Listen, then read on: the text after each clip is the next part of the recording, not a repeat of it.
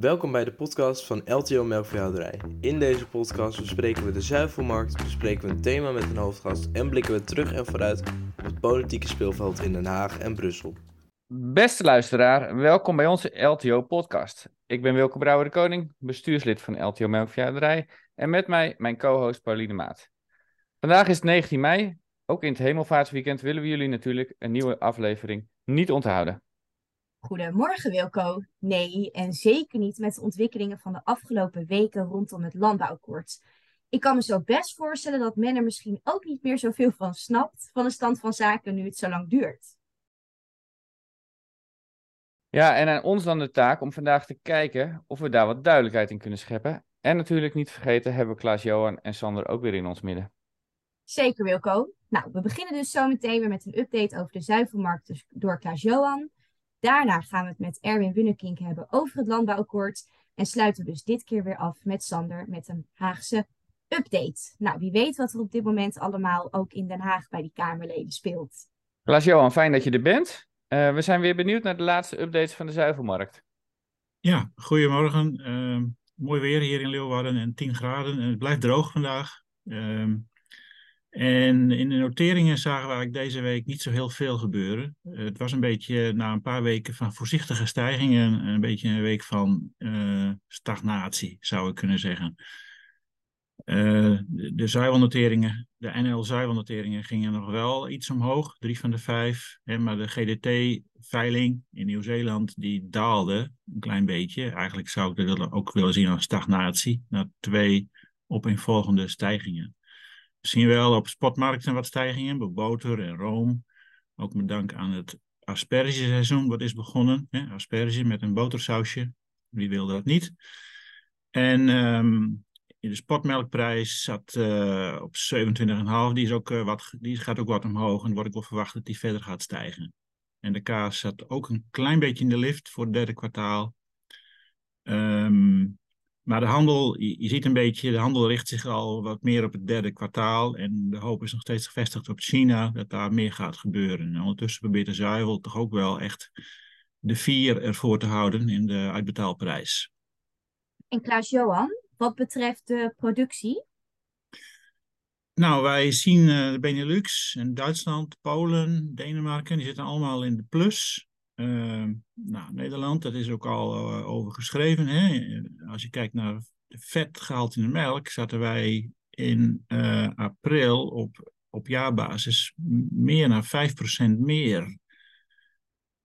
dus dat is aanzienlijk nog steeds hè, dit jaar. Wij zitten, liggen fors voor op de productie van vorig jaar. Duitsland op, zit op kleine plus 2% die, die voorsprong neemt wel een beetje af de laatste weken. De voorsprong op vorig jaar. Nou, en uh, Amerika, Verenigde Staten, altijd belangrijk. Het uh, Amerikaanse ministerie van Landbouw kwam met wat nieuwe verwachtingen op 12 mei. En dat, is niet spectaculair. Dat is uh, een kleine 1% groei dit jaar. En op dit moment is de verwachting voor volgend jaar alweer ook een kleine 1% groei. Het kan natuurlijk nog tien keer veranderen. Maar het wijst niet op een spectaculaire melkproductiegroei. Bas Johan, als je afgelopen kijkt, week kijkt naar uh, de media, dan is er ook veel over het uh, weer in uh, Europa. Heeft dat nog effect? Nou, dat is waar ik toch wel even iets over zeggen. Emilio Romagna is eigenlijk wat, wat, wat wordt wel genoemd de food basket van Europa. Er wordt in dat gebied ongeveer 2 miljard liter melk geproduceerd, ook voor, voor kazen, zoals Parmigiano Reggiano en Grana Pada Padano. En ehm, ja, daar viel in vijf uur net zoveel regen als in een half jaar, hoorde ik van mijn collega. Ik heb even contact gehad. Het was een lange tijd droog geweest, de bodem kon het ook niet opnemen. Nou, er zijn ehm, volgens de laatste berichten 13 doden gevallen. Um, ja, en uh, met mijn collega zei van ja, het staat hier bijna volledig onder water. Duizenden huizen en hectare staan onder water. Uh, de grootste regenbui van de laatste 200 jaar. Dus dat geeft je wel te denken. Hè? We hebben natuurlijk ook vorig jaar meegemaakt, bijvoorbeeld in Limburg, de overstromingen. Maar hoe, hoe kwetsbaar we zijn. Hè? Wij, wij zitten dan in een vruchtbare delta en we kunnen dan redelijk ook wel het water managen binnen grenzen. Uh, maar het kan ook ineens uit je handen vallen. Dus uh, dat geeft je wel te denken. Ja, Klaas-Johan, wij hebben de berichten ook wel uh, gelezen. Dus, en filmpjes heb ik ook weer voorbij zien komen. Dat is echt, echt verschrikkelijk. Nou ja, we hopen in Italië dat ze de boel weer met elkaar, uh, als de regen nou ja, weer een beetje ophoudt, dat ze het weer met elkaar gaan opbouwen. En verder deze week, heb jij al een beetje zicht op wat er, uh, wat er gaat komen? Ja, um, nou, we hebben natuurlijk steeds, uh, daar gaan we het zo ook over hebben natuurlijk, over de toekomstperspectieven voor onze landbouw. En, en ik wou een paar dingen zeggen over waar zitten we nou in die internationale markt. Wij, zijn gewoon met import en export echt verbonden aan die internationale markt. En daar wou ik een paar dingen over noemen. Wij, kijk, in Nederland, als je alles bij elkaar optelt, zit je ongeveer op 14 miljard kilo melk wat we vorig jaar produceerden. Uh, daarmee zijn wij in Europa de derde melkproducent. In de Europese Unie zijn we de derde melkproducent na Duitsland en Frankrijk. En waar gaat dat nou naartoe, die melk? Nou, voor bijna 60% gaat het in de kaas. En daarnaast uh, vers, een kleine 10%. Melkpoeders uh, vorig jaar 13% klein beetje boter, 3%. En natuurlijk allerlei andere producten, zoals uh, gecondenseerde, gesuikerde koffiemelk bijvoorbeeld. Ingrediënten, lactoseproducten, wijpoeders, et cetera. Dus um, um, er gebeurt van alles met die melk. En um, ja, dat gaat dus ook alle kanten op, Paulien. En als je kijkt dan, uh, Klaas-Johan, hoe, zijn we, hoe afhankelijk zijn wij dan uh, als Nederland van die, van die Europese en die wereldmarkt? We weten dat het belangrijk is, maar...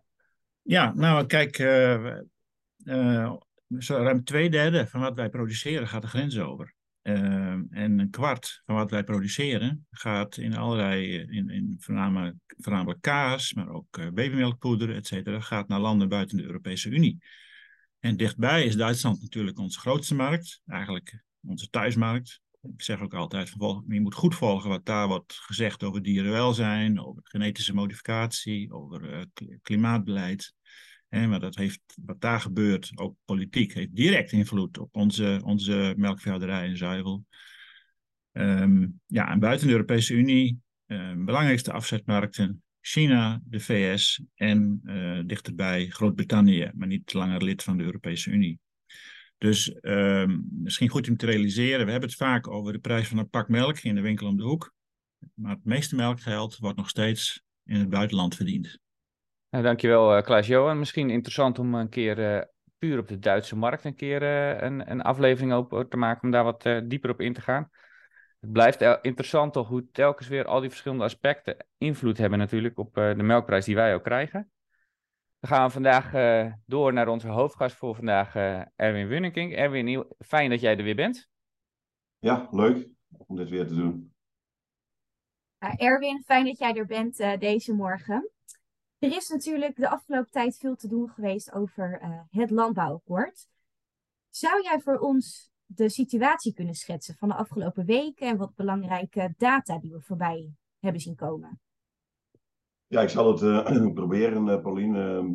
mijn rol, eigen rol bij het landbouwakkoord, die zegt tegelijk maar bij. Die is eigenlijk al, ik denk, een week of zes geleden min of meer geëindigd. Want de, zoals de luisteraars misschien nog weten, toen we begonnen met het landbouwakkoord, excuus, uh, was dat, uh, dat was in januari. Uh, we zijn toen met sectortafels begonnen. en een hoofdtafel waar die, die toen eigenlijk ja, in ieder geval het proces vooral geduid heeft. aan die sectortafels, daar is gewerkt aan om voor elke sector afzonderlijk plannen in te dienen. Nou, dat was uiteindelijk, ik geloof, ergens eerste week april dat we toen daar klaar mee waren. Uh, vervolgens is het naar de hoofdtafel gegaan en aan hen de, zeg maar de, de, ja, de opdracht om alles wat daar aan die sectortafels geproduceerd was, om daar uh, de knopen over door te hakken. Eigenlijk heeft de sectortafels de knopen op tafel gelegd en de hoofdtafel die moesten ze doorhakken. Wat je uh, uiteindelijk zag en gaandeweg het proces ehm, was wel dat er vanuit het ministerie wensen zijn, de ministeries moet ik zeggen, want het is natuurlijk niet alleen LNV, uh, en ook vanuit de landbouwsectoren. En daar zie je dat dan vervolgens um, nou, of de concreetheid ontbreekt, of vooral het schuurt met afspraken die in coalitieverband uh, gemaakt zijn. Maar van onze kant ook vooral uh, dat daar, daar waar het schuurt, dat vooral met name we een doel moeten halen en dat er heel veel middelvoorschriften tegenover stonden. dat is iets waar we eigenlijk de laatste, nou misschien jaren wel tegenaan lopen. Dat heel veel van de problematiek die we hebben als het gaat om milieuproblematiek opgelost moet gaan worden met, met middel, middelvoorschriften. Nou, het woord kalenderlandbouw is daar ook vandaan gekomen. Um, uiteindelijk uh, is, heeft, uh, nou, als ik kijk binnen de melkveehouderij, waren onze andere belangenbehartigers, collega belangenbehartigers al bezig met toch ook wat deadlines te stellen. We weten dat daar NMV ook gedaan heeft. DDB was al eerder van tafel gegaan. Maar ook LTO heeft op een gegeven moment gezegd: van, jongens, we moeten toch wel werken naar een strik eromheen. En de datum 8 mei is daarin genoemd. Um, in de aanloop naar die datum van 8 mei zijn er ook uh, een soort van conceptteksten um, wel gedeeld met een, met een kleine groep mensen die uh, dat, uh, dat vervolgens ook doorgenomen heeft.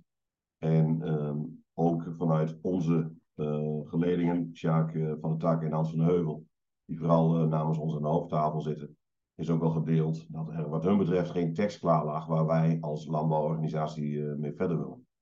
Um, daarom is ook gezegd van wij, wij stoppen dit proces. Uiteindelijk is het zo dat de voorzitter van, het, van de hoofdtafel, Chris Kalde, samen met Piet Adema, eigenlijk gezegd heeft van oké, dan gaan we toch één op één met partijen, in dit geval de, toch de, de koepelorganisaties, gaan we praten of we op onderdelen toch niet, niet verder kunnen. En dat is wel waar men nu mee bezig is. In acht, aanloop, zeg maar in de tijd na 8 mei, dus afgelopen week, is eigenlijk getracht om toch nog het stuk volledig te herschrijven. en dat met name wat ik weet vanuit de melkveehouderij gaat het vooral om van kunnen we toch het doelbereik meer centraal stellen. Kunnen we vooral ook meer geld halen voor uh, natuurbeheer en dat soort zaken. Want daar zit voor ons het grootste pijnpunt.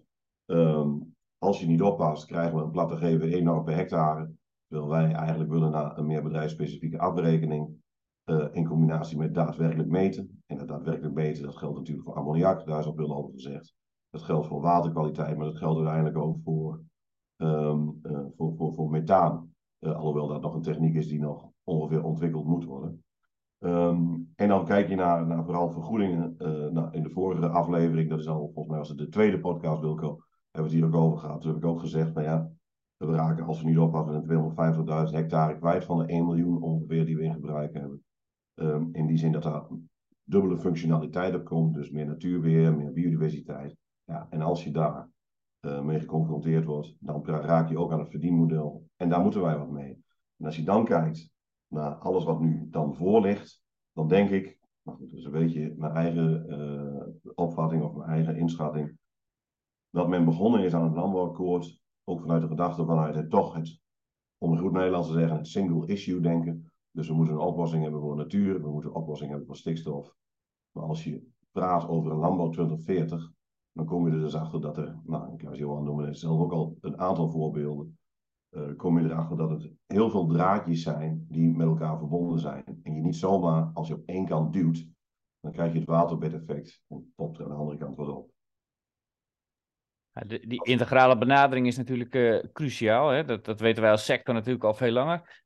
Uh, landen die boodschap dan wel ook bij de, bij de andere partijen aan de sectortafel? bijvoorbeeld aan de natuurorganisaties? Of, of of willen die toch one issue aanpakken?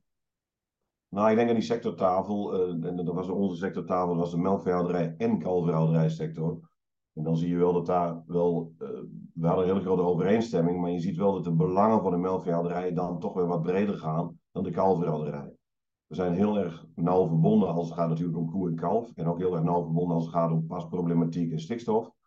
Maar als je kijkt naar uh, vooral natuurweer en dat soort zaken en, en toch ook de grond, laten we het maar zo zeggen, dan heeft melkvelderij natuurlijk een veel meer grondgebonden karakter dan kalverhouderij. Uh, maar we waren wel met elkaar eens, want ook er zijn ook kalverhouders met, met grond nog natuurlijk.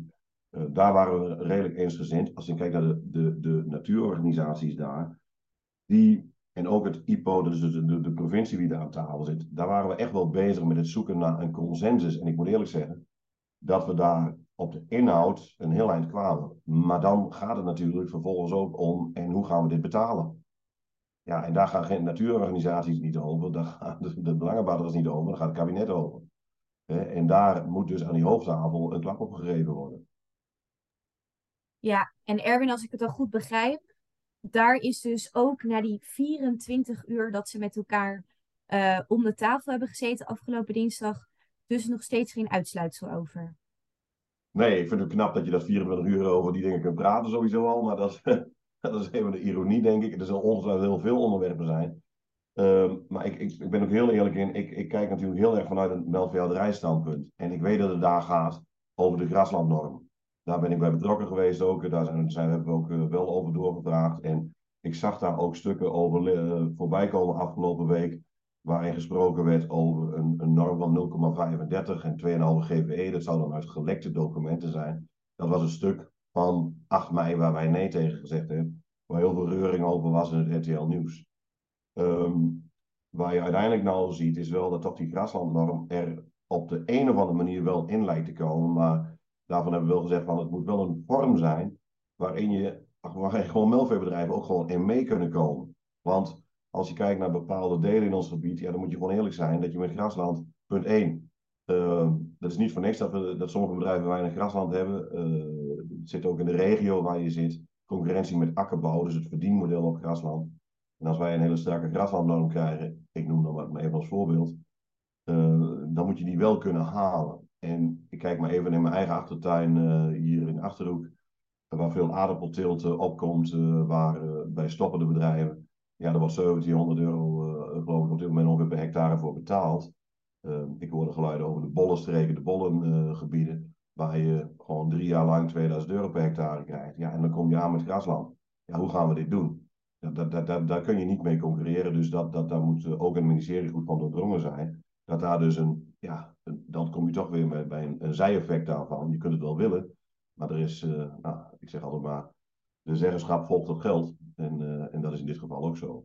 De tweede waar uh, heel erg over gesproken werd, is toch de, nou, de, stoffenbalans, hè, die, die heel vaak genoemd is al. En die stoffenbalans is voor ons in zoverre cruciaal dat je daarmee wel de administratieve verantwoording kunt doen over de doelen die je haalt. Nou, en daar moet in combinatie met metingen over komen. En wij hadden randvoorwaardelijk gesteld groene meststoffen, dus renewen. Nou, en daar zit ook een pijnpunt op, omdat je daar, daar gaat het ministerie niet over, maar daar gaat Europa over. Dus ook daar heb je mee te dealen.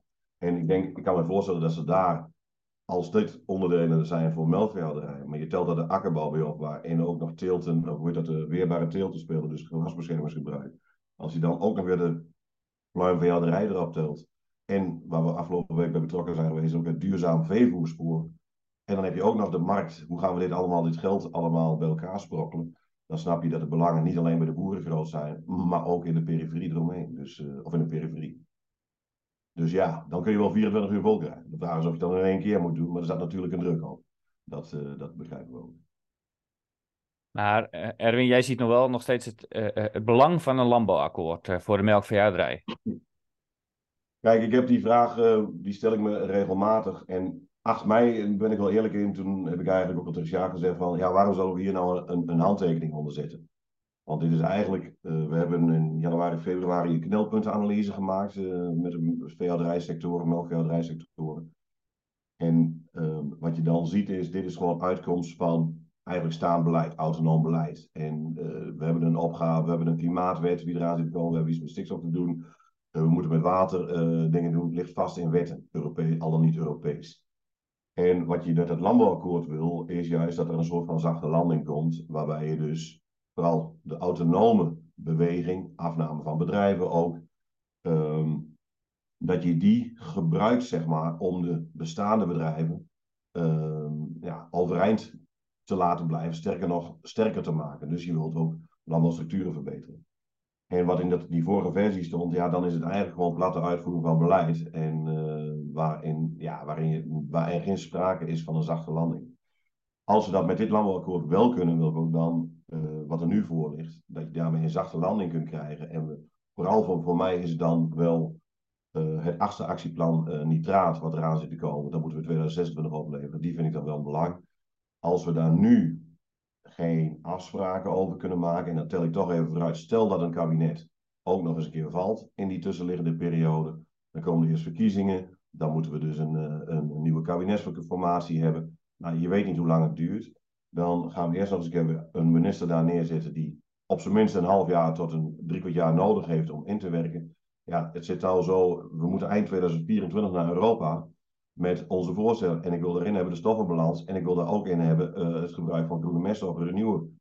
Dus als dat niet is, ja, dan zie ik dat, dan hebben we eigenlijk een herhaling van zetten uh, waar we derogatie in verloren krijgen. Eigenlijk in een periode van een dimensionair kabinet. Geen uh, goede, goede planvorming eronder, geen goede gesprekken. Ja, daar zijn wij niet bij gebaat. Op heel veel andere vlakken, vlakken zeg ik van ja, daar hebben we. Het is mooi dat we daar afspraken over hebben, dat geeft rust. Maar uh, autonoom komen we ook een heel eind. dus het zit op onderdelen dat ik wel belang zie in een landbouwakkoord. Ja, Erwin, ik, ik had dan nog wel één laatste vraag ook. Want dat uh, vind ik ook altijd wel het ingewikkelde eraan. Brussel komt natuurlijk ook telkens weer met allerlei regels. En dan denk ik, ja, als wij dan met elkaar in een landbouwakkoord afspreken en Brussel komt met wetgeving, hoe, hoe verhoudt zich dat dan? Nou ja, Brussel zal zeggen, Nederland, u heeft afspraken met ons gemaakt. Kijk, de waterkwaliteit, ik noem toch maar even de richtlijn water, die basis is al gelegd in 19, ik geloof 76 of zo. Uh, als je kijkt naar de nitraatrichtlijn water, die stamt al uit 1991. Uh, kijk je naar stikstofwetgeving, dat is al vanaf begin 2000. Dus het is niet zo dat wij, um, laten we zeggen, dat we niet gewaarschuwd zijn. En voor mij speelt klimaat, voor mij is klimaat eigenlijk het, de plek waar we misschien nog wel het meeste invloed kunnen uitoefenen en het meeste na kunnen denken. Alhoewel er natuurlijk een, een, uh, een afspraak ligt over de reductie, maar de invulling daarvan, hoe we dit doen, daar zit best nog ruimte in. En daar is zo'n landbouwakkoord zal heel mooi van zijn. Het uh, frustrerende is wel dat we juist in dat opzicht in het landbouwakkoord weinig over klimaat uh, terugzien. maar hoe verhoudt zich het dan, Pauline? Dat is toch Um, wij moeten met een verhaal naar, Brussel, naar Brussel komen, maar je moet uiteindelijk voldoen aan wetgeving, net zoals andere landen dat ook doen. En uh, de, de manier waarop, en dat zag je ook wel terugkomen in uh, de, de, private meeting zeg maar, van Caroline van der Plas met Frans Timmermans. Ja, de, de weg er naartoe, die is wel bespreekbaar. Maar uiteindelijk gaat het wel dat je het doel moet halen. En die weg er naartoe, dat proberen we nou juist in het landbouwakkoord nog eens een keer een beetje nou bij te schaven. Of in ieder geval iets gunstigs voor ons uit te laten komen, dat, dat het haalbaar is. Maar je hebt gelijk, je hebt ermee te dealen. Dus het is niet eventjes fixen, laat het dan maar zo zeggen. En daarom duurt het ook lang. Nou, dankjewel Erwin in ieder geval weer voor deze update. Uh, uh, wat ik van jou ook wel begrijp is dat het zeker voor de LTO ook geen gelopen race is dat we meegaan met het landbouwakkoord. Dat het echt wel belangrijk is wat er straks ligt. Nou, dat wil ik wel benadrukken, want ik, zie, ik krijg ook regelmatig natuurlijk appjes en dingen gaat toch van tafel en je helpt Rutte in stand en, en al dat soort, de, de, ook de frustratie zie ik ook en die begrijp ik ook zeker. En ook de gelatenheid van, jongens, dit heeft allemaal geen enkele zin. Maar besef wel, uh, we hebben een heel goed proces afgesproken binnen LTO ook. Sjaak uh, van de Tak en, en Hans van Heuvel, die zitten daar aan tafel. Maar er zit een bestuur aangesloten vanuit de regionale organisatie. En we leggen het eerst terug bij de leden voordat wij überhaupt ergens ja of een handtekening opzetten. Dus we zijn wel een ledenorganisatie. Dat, dat moeten we wel blijven uh, onder ogen zien. Dus er wordt niks getekend of besloten voordat we een brede consultatie hebben. Want ook als sectoren zijn we uiteindelijk, weet ik nog steeds niet wat er exact hè, in staat en hoe de samenhang is. Ik weet onderdelen, maar de samenhang weet ik niet. Dus die blijft belangrijk, wel. Ja, en dan wordt het dus belangrijk om het echt op de inhoud te beoordelen en uh, dat te bekijken, ook als lid zijnde. Ja. Nou, dankjewel in ieder geval Erwin voor deze update. En een mooi bruggetje meteen naar Sander, want we hebben eigenlijk uh, het net over het landbouwakkoord gehad, maar natuurlijk nog niet het politieke speelveld. Hè? Die is uh, net zo cruciaal zo ongeveer als de onderhandelingen tussen LNV en, en, de, en de sector, denk ik. kun jij ons daar een inkijkje in geven? Ja, het was deze week een, eigenlijk een beetje een korte week door het hemelvaartweekend, wat er natuurlijk eraan kwam. Dus eigenlijk hebben ze maar nou, drie, maar eigenlijk zijn het maar twee kamerdagen geweest dat men echt met elkaar bezig was. Maar tegelijkertijd wel een paar grote uh, onderwerpen die langskwamen. Met uh, het landbouwakkoord, waar ook over gesproken is in de Tweede Kamer. En daarnaast het transitiefonds, uh, die ruim 24 miljard waarover besloten is. Dus daar neem ik jullie vandaag even in mee. Um, eerst het landbouwakkoord. Um, de, de, de, punten die Erwin net aanschetste, ik denk dat dat ook wel goed terugkwam in een opiniestuk dat BBB gelijk plaatste na die marathonsessie van, uh, van woensdag op donderdag. Daarin kaarten BBB eigenlijk best wel goed aan op welke punten nou best wel lastig is eigenlijk om zo'n akkoord te sluiten. En waarom, je, nou ja, waarom weinig zinvol is om nachtenlang door te halen om met één pennenstreek de hele landbouw te transformeren. Het is gewoon heel complex. En dat werd best goed in dat stuk neergeschreven. En daarmee is het ook wel ja, is het ook niet zo gek dat het nog meer tijd nodig heeft dan dat je het in één lange nacht vergaderen zal doen. Ehm, wat dan weer opvallend is, is dat nadat wij een uh, kort statement hadden geplaatst, dat um, er nog bepaalde onderdelen gewoon echt stappen gezet moeten worden. En we nog nou, überhaupt het niet kunnen voorleggen aan onze leden. Ja, dan zag je gelijk op Twitter alweer een, een Laura Bromet van GroenLinks. Die zei, nou, dit is een, eh, niet de Tweede Kamer die dingen wil. Nee, dit is een belangengroep die uh, eisen stelt. Ja, dan denk ik wel weer van ja, maar jullie wilden, vanuit de Tweede Kamer is er opgeroepen, komt tot een landbouwakkoord. Is notabene een motie voor aangenomen een paar jaar geleden.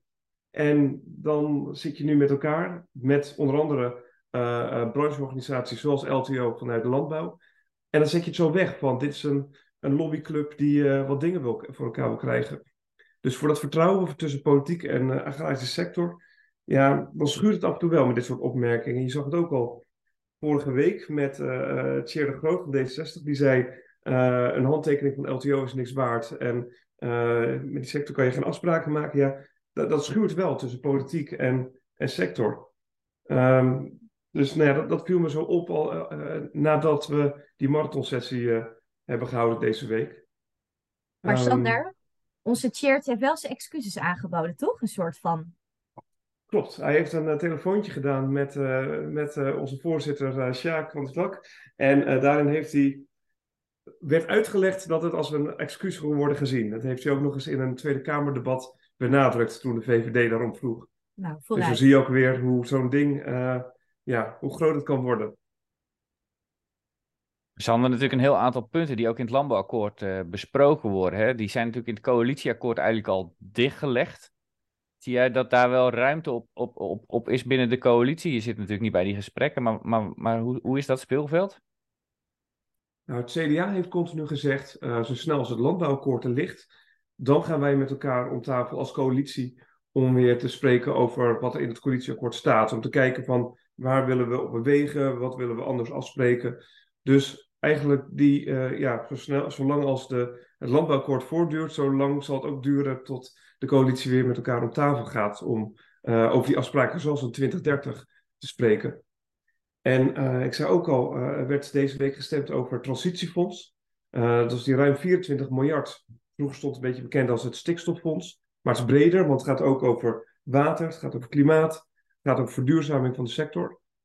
En uh, bij die stemmingen was het onder andere een amendement van GroenLinks om 2030 er echt in te zetten, in plaats van stikstofdoel 2035. En die werd weggestemd door de coalitie. Dus mm, je, ziet daar bijna dat men wel in ieder geval ruimte wil houden om die uh, beweging te kunnen maken later dit jaar. Ja, en, en Sander, als ik dit heb, we hebben nu dat hemelvaartsweekend ook. Um, nou, het kabinet die is nu natuurlijk aan zet wat betreft het landbouwakkoord. En die gaat de komende ja, twee of drie weken wachten op het IPO uit mijn hoofd. Um, heb jij nog een idee hoe de aankomende weken dan verder uit gaan zien? Ja, deze week heeft uh, notabene uh, GroenLinks nog een motie ingediend dat voor dinsdag 23 mei moet er een landbouwakkoord liggen en anders moeten we maar stoppen met het hele proces. Nou, ik moet zomaar dat ze die zullen wegstemmen in ieder geval vanuit de coalitie, want ja, met die doorrekening vanuit het PBL ja, ben je sowieso meer weken kwijt. Dus 23 mei gaat sowieso niet lukken. Uh, dus dan zie je ook weer dat de werkelijkheid vanuit de uh, uh, Tweede Kamer en wat er buiten gebeurt af en toe ook niet helemaal synchroon met elkaar loopt. Ja, je hebt sowieso. Uh, de, kijk, de ene heeft het geloof totaal niet in het landbouwakkoord. En de andere uh, willen juist wel dat het slaagt. Dus, nou ja, de Tweede Kamer is daar nog niet over uit. Maar dat is ook niet een hele grote verrassing, uh, denk ik. Als ik jou goed begrijp, dan hè, er, er ligt nu ergens een concept. Hè, en dat wordt nu gaat doorgerekend worden door PBL onder andere. Um, maar ligt dan de onderhandelingen nu stil? Heb je daar een idee voor? Of, of gaat dat door? Of, of is daar iets bekend over? Daar heb ik nu momenteel geen beeld op. Dus dat zal ik ook nog moeten horen, uh, waarschijnlijk na dit weekend. Um, je zal begrijpen dat iedereen uh, wat, toe was aan wat rust na die marathonsessie. Uh, dus ik denk dat ik daar maandag meer, meer over hoor. Um, ja, en ik weet wel, de, in de Tweede Kamer staat onder andere nog een debat over het landbouwakkoord op de planning, zo snel als die gesloten wordt. Hebben ze natuurlijk nog geen datum aangekoppeld, want ja, Niemand weet wanneer dat het geval zal zijn. Maar het zal wel het moment zijn dat de Tweede Kamer zich uitspreekt over die afspraken die zijn gemaakt in een landbouwakkoord als die eenmaal gesloten wordt. Ja, nou, uh, het is allemaal wat. En Sander, ik weet dat jij ook tijdens die marathon, uh, heb jij ook een marathon gehad. Dus het was ook een kort, kort nachtje voor jou. Um, ik denk, um, nou ja, we gaan, het, we gaan het weer horen allemaal. Ik wil in ieder geval onze gasten Klaas-Johan, Erwin en Sander weer hartelijk danken voor vandaag. En natuurlijk mijn co-host Wilco. Over twee weken zijn we er weer met de podcast met Nick van het Louis Polk Instituut. En dan gaan we het hebben over de waarde van grasland. Nou, ik weet dat na deze podcast Erwin en Wilco ook weer aan de slag gaan met hun gras. Dus uh, ik ben benieuwd. In ieder geval uh, hoop ik jullie uh, weer bij te kletsen over twee weken. Tot over twee weken.